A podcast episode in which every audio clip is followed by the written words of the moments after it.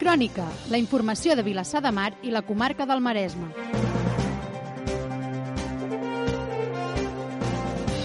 Bona tarda i benvinguts a la crònica d'aquest dimecres. Els Mossos d'Esquadra han desmantellat una organització criminal que traficava a escala internacional amb marihuana i han detingut 20 persones com a presumptes autores dels delictes contra la salut pública, blanqueig de capitals, pertinença a organització criminal tinença il·lícita d'armes i defraudació de fluid elèctric. La investigació va començar el juliol de 2019.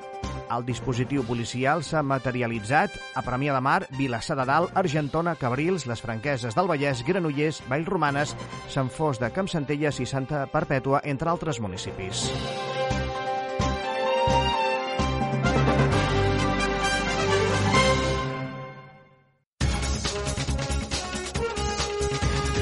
A la crònica també us explicarem que en el transcurs de la segona quinzena d'agost l'Ajuntament té previst iniciar les obres de substitució del clavegram i del ferm del carrer Enric Granados, en el tram comprès entre Colom i del Rosari, una actuació que en concret començarà dilluns que ve.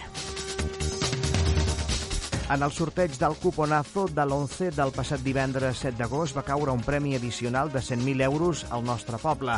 Carmen Moner, venedora de l'11 que té el seu quiosc a l'Avinguda Carles III davant del restaurant L'Atlàntida, ens ha explicat que se sent molt il·lusionada d'haver venut aquest cupó que va resultar premiat. L'Oficina Mòbil del Document Nacional d'Identitat de la Policia Nacional tornarà al nostre municipi des de setembre fins a desembre. Les persones interessades en fer-se el DNI per primera vegada o en renovar-se'l han de demanar cita prèvia trucant al matí a l'Oficina d'Atenció al Ciutadà de l'Ajuntament continua obert fins pràcticament d'aquí un mes, fins al 16 de setembre, el termini per poder participar al certamen literari Vilassar de Noir, de novel·la negra. La dotació és de 2.500 euros i l'anunci del guanyador o guanyadora es farà en el transcurs de la cinquena edició d'aquest certamen que se celebrarà, si la Covid-19 ho permet, al mes d'octubre.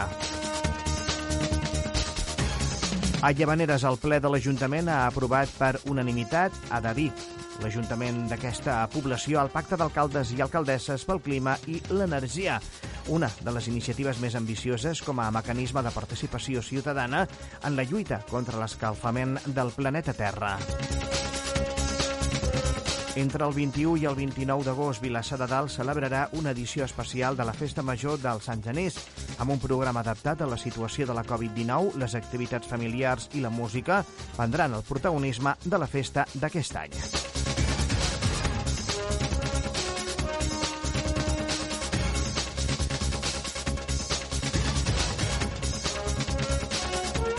Són els temes principals de la crònica d'aquest dimecres. Benvinguts. Crònica. Serveis informatius de Vilassar Ràdio. Comencem la crònica d'aquest 12 d'agost. Agents de la policia de la Generalitat de Catalunya Mossos d'Esquadra de la Divisió d'Investigació Criminal han desmantellat una organització criminal que traficava a escala internacional a marihuana i han detingut 20 persones com a presumptes autores dels delictes contra la salut pública, blanqueig de capitals, pertinença a organització criminal, tinença il·lícita d'armes i defraudació de fluid elèctric. La investigació va començar el mes de juliol de 2019 quan agents de la Unitat Central d'Estupefaents van detectar un entramat criminal d'origen suec establert principalment a Catalunya, vinculat al tràfic internacional de substàncies estupefaents els integrants del qual tenien un ampli historial delictiu amb episodis violents en els seus respectius països d'origen. Cal destacar que els mecanismes de coordinació policial a nivell internacional han possibilitat l'obtenció d'informació vinculada als membres de l'organització criminal, que posava de relleu que es dedicaven principalment al tràfic de drogues a escala transnacional i que estarien al darrere de diferents tirotejos i també de diversos assassinats, tant a Suècia com a altres països del nord d'Europa, fet que evidencia el caràcter extremadament violent d'aquest grup. Els avenços en la investigació van establir que els líders d'aquesta estructura criminal s'haurien associat amb altres organitzacions d'origen britànic i polonès per tal d'operar de manera conjunta i coordinada per l'exportació d'importants partides de droga amb destinació als seus països d'origen en els que disposaven de la infraestructura necessària per la seva distribució.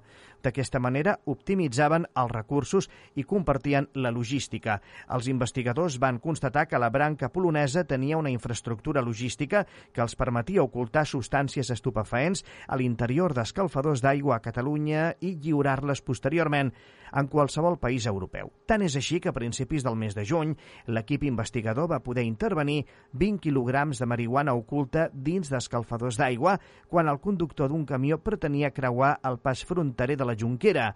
També utilitzaven la paqueteria postal com a mètode per transportar la droga i també després per distribuir-la.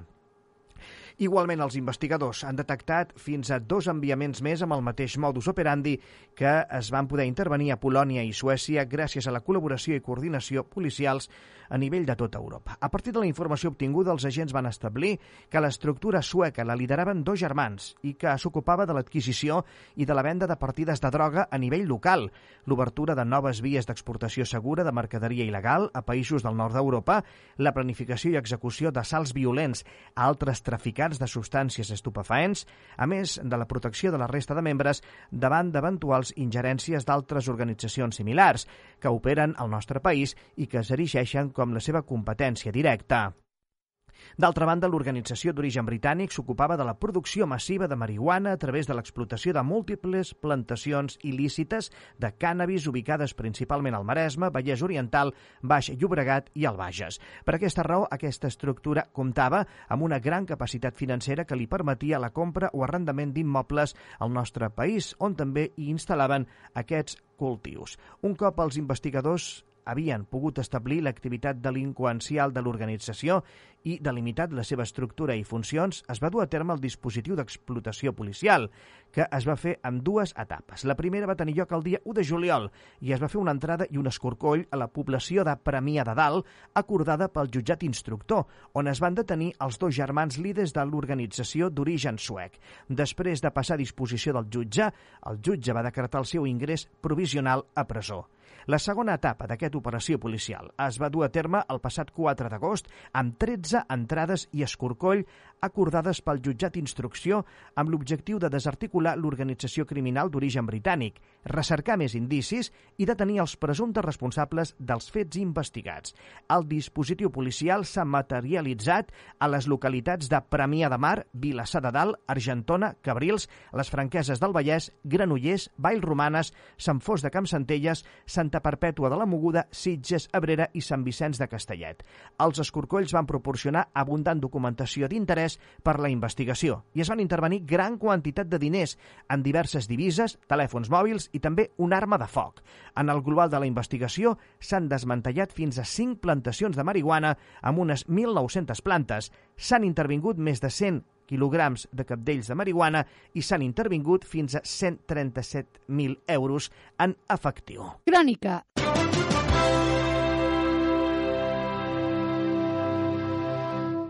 Durant la segona quinzena del mes d'agost, l'Ajuntament té previst l'inici de les obres de substitució del clavegram i del ferm del carrer Enric Granados, en concret del tram comprès entre el carrer Cristòfol Colom i el carrer del Rosari. Aquesta actuació començarà en concret dilluns de la setmana que ve, dia 17 d'agost. Inclourà l'aglomerat del carrer Enric Granados des de Colom fins a la Nacional 2. L'execució de les obres ha estat adjudicada a l'empresa Via Augusta Obres i Serveis per un import de 190 48.527 euros IVA inclòs. L'actuació consisteix en la substitució del clavegaram en el tram més deteriorat del carrer Enric Granados, d'acord amb el pla director de clavegaram. El projecte contempla la instal·lació d'una xarxa de tipus separatiu que serà operativa un cop s'hagi fet la substitució del clavegaram de tot el carrer. La nova xarxa estarà constituïda per dues canonades, una per recollir les aigües de pluja a la que es connectaran els nous embornals del carrer i l'altra recollirà les aigües residuals procedents dels habitatges. Aquesta darrera canonada, a més a més, serà l'encarregada de recollir les aportacions de les canonades existents als carrers adjacents, que són de tipus unitari. Addicionalment, també es millorarà el sistema de captació de les aigües superficials del carrer, tot col·locant rigoles al peu de les vorades i renovant els embornals. Pel que fa a la renovació de la pavimentació, el tram d'Enric Granados des de Colom fins a Rosari es refarà tota la capa de ferm que es troba molt deteriorada. Al tram de Rosari fins a la Nacional 2 es refarà la capa de rodadura del ferm i es practicaran els sanejaments necessaris. L'actuació té una durada prevista de 4 mesos. En el transcurs d'aquest període de temps s'aniran fent talls dels diferents trams del carrer. El 24 d'agost es tallarà el trànsit al carrer Enric Granados entre Rosari i Santa Helena. Del 24 d'agost al 30 de setembre no es podrà accedir als guals d'Enric Granados entre Rosari i Santa Helena i del 24 d'agost fins al 31 d'agost es tallarà l'encreuament d'Enric Granados amb Rosari.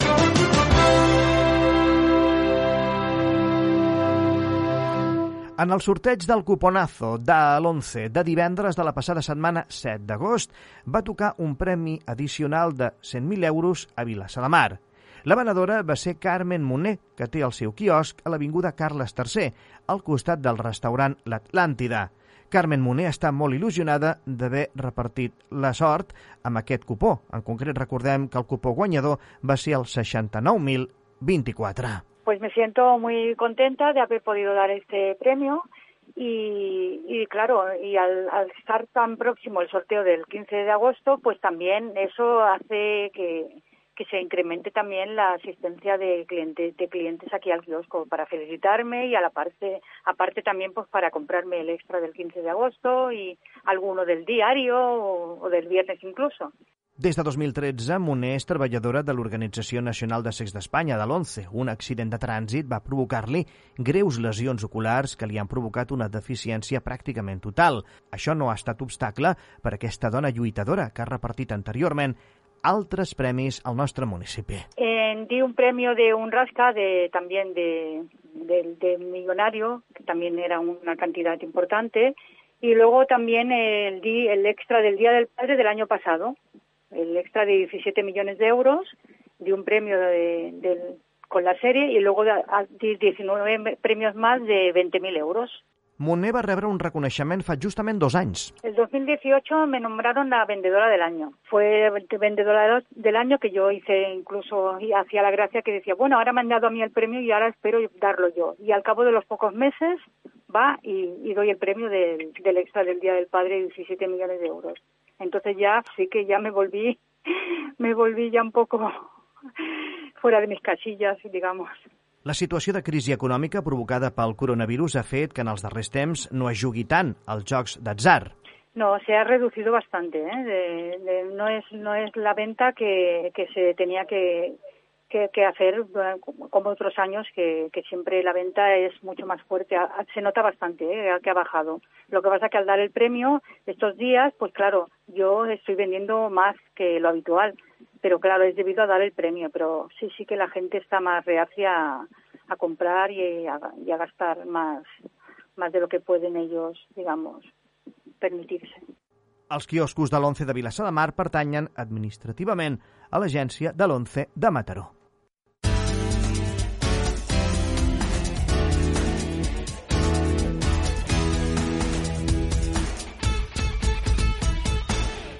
L'oficina mòbil del document nacional d'identitat de la Policia Nacional tornarà al nostre municipi des de setembre fins al mes de desembre. Les persones interessades en fer-se el document nacional d'identitat per primera vegada o bé en renovar-se'l han de demanar abans cita prèvia, tot telefonant a l'oficina d'atenció al ciutadà de l'Ajuntament, ubicada a la planta baixa de la Casa Consistorial. La seva línia de contacte és el 93 754 2400 en horari de dilluns a divendres de 9 del matí a 2 de la tarda. Se'ls donarà dia i hora. Els dies, en concret, en què es realitzarà aquest tràmit a l'Ajuntament de Vilassar de Mar són el 14 de setembre, el 9 d'octubre, el 9 de novembre i el 3 de desembre, en tots els casos, al matí. I els dies en què s'haurà de recollir a l'Ajuntament el nou DNI són 18 de setembre, 10 d'octubre, 13 de novembre i 10 de desembre, sempre al matí. Crònica, la informació de Vilassar de Mar i la comarca del Maresme.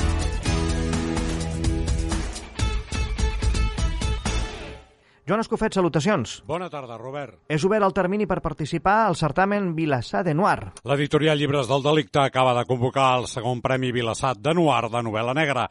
La dotació és de 2.500 euros i l'anunci del guanyador o guanyadora es farà durant la cinquena edició del Festival Vilassar de Noir, que se celebrarà si la Covid-19 ho permet el mes d'octubre. Afanya't i envia el teu original. S'hi poden presentar totes les obres de gènere negre, policial o de misteri, escrites en català. El premi, com dèiem, és de 2.500 euros, una quantitat molt important, que es pagarà en concepte de drets d'autor per l'edició de l'obra premiada en forma de llibre, tant en paper com en e-book, un cop el llibre sigui publicat durant l'any vinent, el 2021. L'editorial Llibres del Delicte publicarà l'obra en el termini d'un any des de l'anunci del guanyador. També es reserva el dret de negociar amb els autors participants no premiats la possible publicació de les seves obres. Uns originals que han de tenir una extensió mínima de 150 fulls de doble espai i amb una tipografia de caràcter 12. Les obres s'han d'enviar al correu electrònic vilassatdenuar a encerclada.gmail.com amb dos arxius. En un hi figurarà la novel·la amb el títol de l'obra, en l'altre l'anomenada plica i constaran les dades personals i de contacte de l'autor o autora. La data límit per al lliurament serà el proper 16 de setembre a les 9 del vespre. L'autor o autora es comprometen a que la novel·la presentada al segon Premi Vilassar de Noir és inèdita, no ha estat presentada sota cap format en cap concurs. L'anunci del guanyador es farà en un acte durant el cap de setmana de la cinquena edició del Festival Vilassar de Noir, que s'ha de celebrar a Vilassar de Mar el proper octubre. El guanyador, que serà avisat amb antelació, es compromet també a recollir el premi en persona durant l'acte de lliurament. El Departament de Salut de la Generalitat publica a la seva pàgina web i xarxes socials dades acumulades sobre el coronavirus des de l'inici de la pandèmia.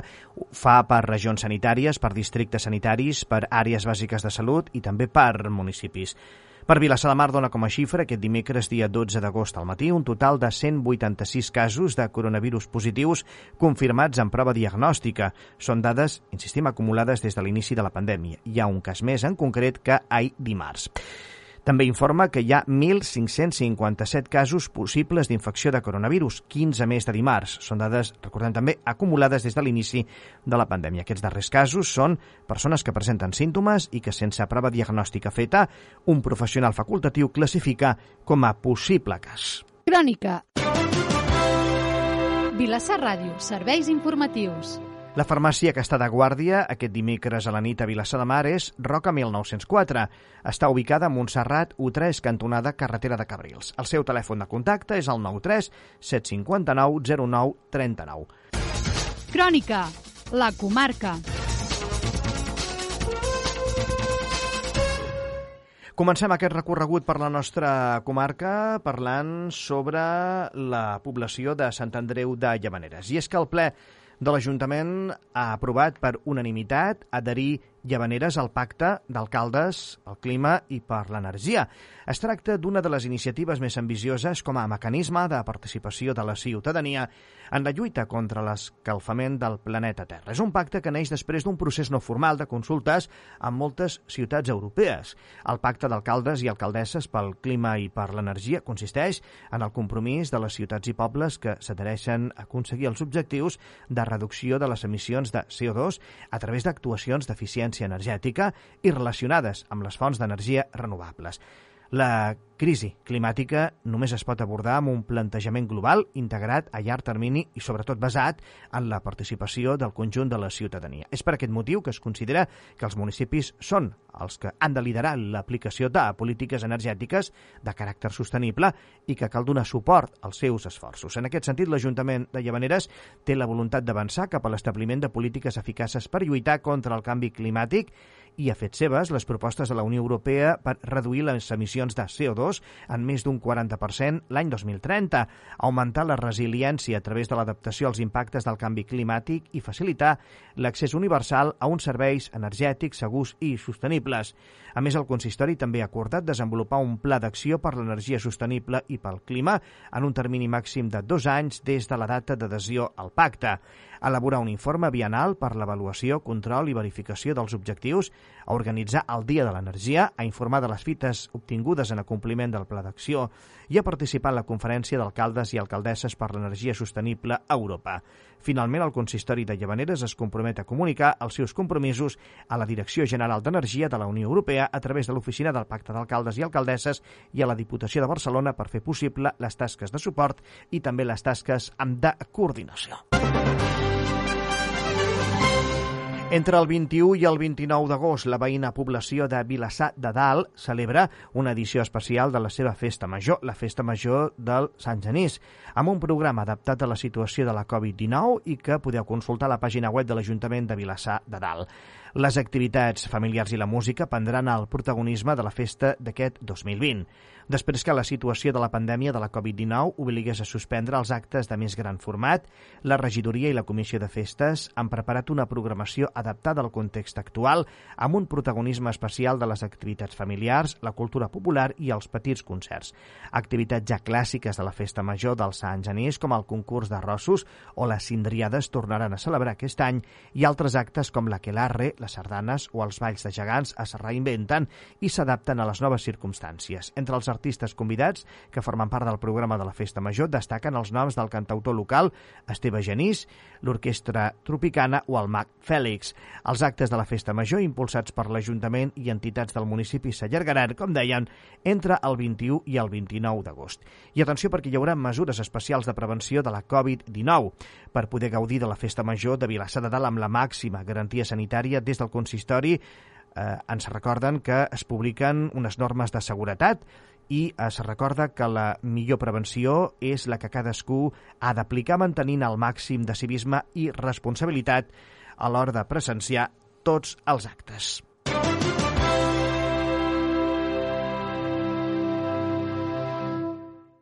Més coses. L'Oficina d'Atenció al Ciutadà de l'Ajuntament de Premià de Dalt ha canviat durant dues setmanes la seva forma d'atendre els veïns i veïnes de la població i des del passat dia 10 i fins al pròxim 23 d'agost, tots dos inclosos, el consistori de Premià de Dalt està prestant atenció només via telemàtica. Aquest servei municipal reprendrà la seva activitat presencial, sempre amb cita prèvia com a mesura preventiva davant de la Covid-19, el dia 24 d'agost com contactar amb l'oficina de Premià de Dalt eh, per telèfon al 93 693 15 15 o a través del correu oh arroba premiadedalt.cat.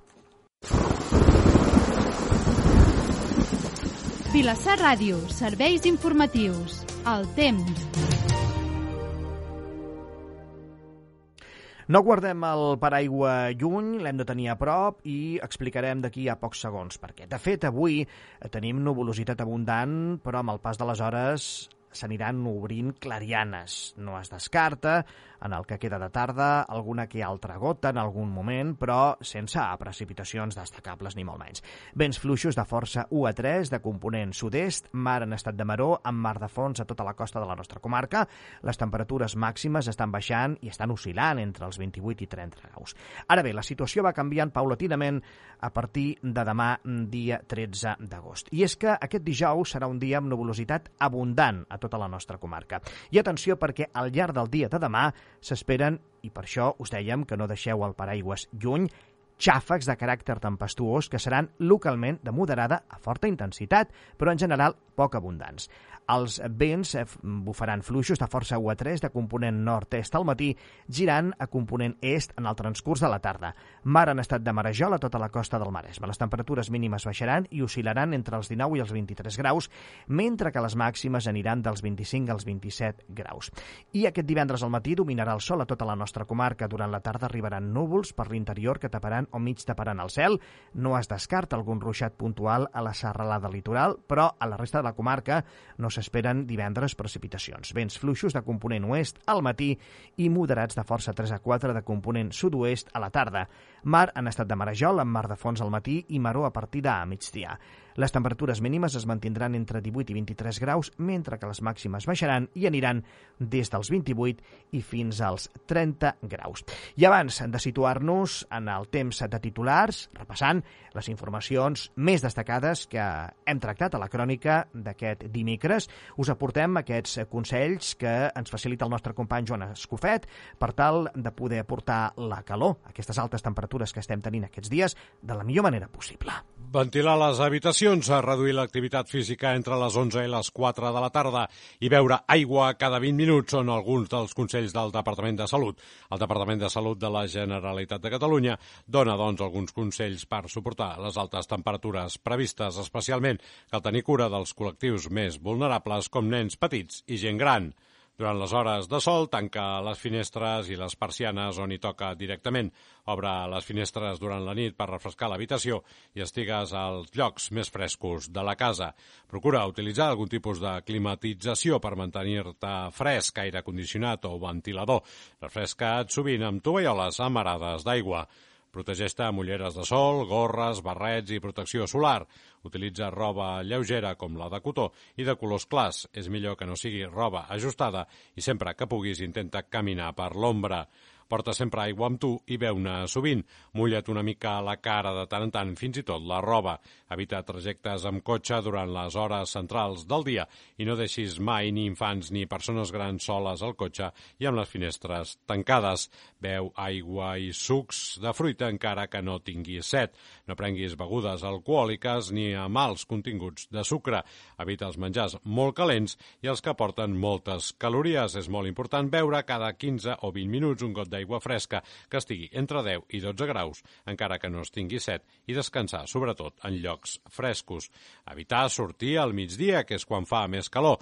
Redueix les activitats més intenses en aquest moment del dia, també, sobretot a l'aire lliure o en espais sense refrigeració. Les temperatures extremes fan que l'organisme necessiti més energia i, per tant, en les hores de més calor, especialment entre les 11 i les 4 de la tarda, cal reduir l'esforç físic, intentar fer ús d'ajudes mecàniques i prioritzar-les davant de les tasques manuals. Compte amb aquests símptomes, esgotament, set intensa, mal de cap o mareig, o rampes a les cames, febre o vòmits i pell calenta, vermella i seca. Davant d'aquests signes d'alerta cal allunyar la persona de la font de calor, abaixar la temperatura de l'entorn, obrir les finestres o engegar un ventilador, treure l'accés de roba, mullar la persona amb aigua i trucar al 112. Pel que fa a la deshidratació, els símptomes més comuns són mal de cap, sequedat de boca, cansament, dificultat de concentració, intolerància a la calor, augment de la temperatura corporal, cremors d'estómac i taquicàrdia. Si la deshidratació és lleu, beure líquids és suficient. Convé beure en petites quantitats amb freqüència, sobretot en infants, en lloc d'una gran quantitat de cop, perquè pot provocar més vòmits. Els casos greus requereixen atenció mèdica immediata. Si es treballa a l'aire lliure, cal posar-se crema solar 20 minuts abans de començar la jornada irregularment al llarg del dia. En aquest cas és aconsellable factor de protecció 30 o superior en les zones cutànies exposades al sol. Doncs gràcies, Joan, per aquests consells i anem seguidament al nostre bloc de titulars. Avui hem començat la crònica parlant d'una organització criminal que traficava a escala internacional amb marihuana. I és que els Mossos d'Esquadra han desmantellat una organització criminal que estava, com dèiem, traficant a escala internacional amb marihuana i han detingut 20 persones com a presumptes autores dels delictes contra la salut pública, blanqueig de capitals, pertinença a organització criminal, tinença il·lícita d'armes i defraudació de fluid elèctric. Aquesta investigació de la que parlem va començar el juliol de 2019, fa 13 mesos. El dispositiu policial s'ha materialitzat a les poblacions de Premià de Mar, Vilassar de Dalt, Argentona, Cabrils, les Franqueses del Vallès, Granollers, Vallromanes, Sant Fos de Campsantella, Santa Perpètua de la Moguda, Sitges, Abrera i Sant Vicenç de Castellet. Dilluns que ve l'Ajuntament començarà les obres de substitució del clavegaram i del ferm del carrer Enric Granados, en concret del tram que està comprès entre Colom i Rosari. Aquesta actuació inclourà l'aglomerat del carrer Enric Granados des de Colom fins a la Nacional 2. L'execució d'aquestes obres ha estat adjudicada a l'empresa Via Augusta Obres i Serveis per un import de 198.527 euros. En el sorteig del cuponazo del passat divendres va caure un premi addicional de 100.000 euros a Vilassar de Mar, en concret del número 69.024. Carmen Moner, venedora de l'11 que té el seu quiosc a l'Avinguda Carles III, se sent molt il·lusionada d'haver venut aquest cupó que va resultar premiat. Continua obert el termini per poder participar al certamen literari Vilassar de Noir de novel·la negra. El ple de l'Ajuntament de Llavaneres ha aprovat per unanimitat adherir-se al pacte d'alcaldes i alcaldesses pel clima i per l'energia. I entre el 21 i el 29 d'agost, Vilassar de Dalt celebrarà una edició especial de la Festa Major de Sant Genís amb un programa adaptat a la situació de la Covid-19. Les activitats familiars i la música prendran el protagonisme de la festa d'aquest any. Us han acompanyat Robert Maza i Joan Escofet. Gràcies per fer-nos costat un dia més a Crònica. Crònica. Serveis informatius de Vilassar Ràdio.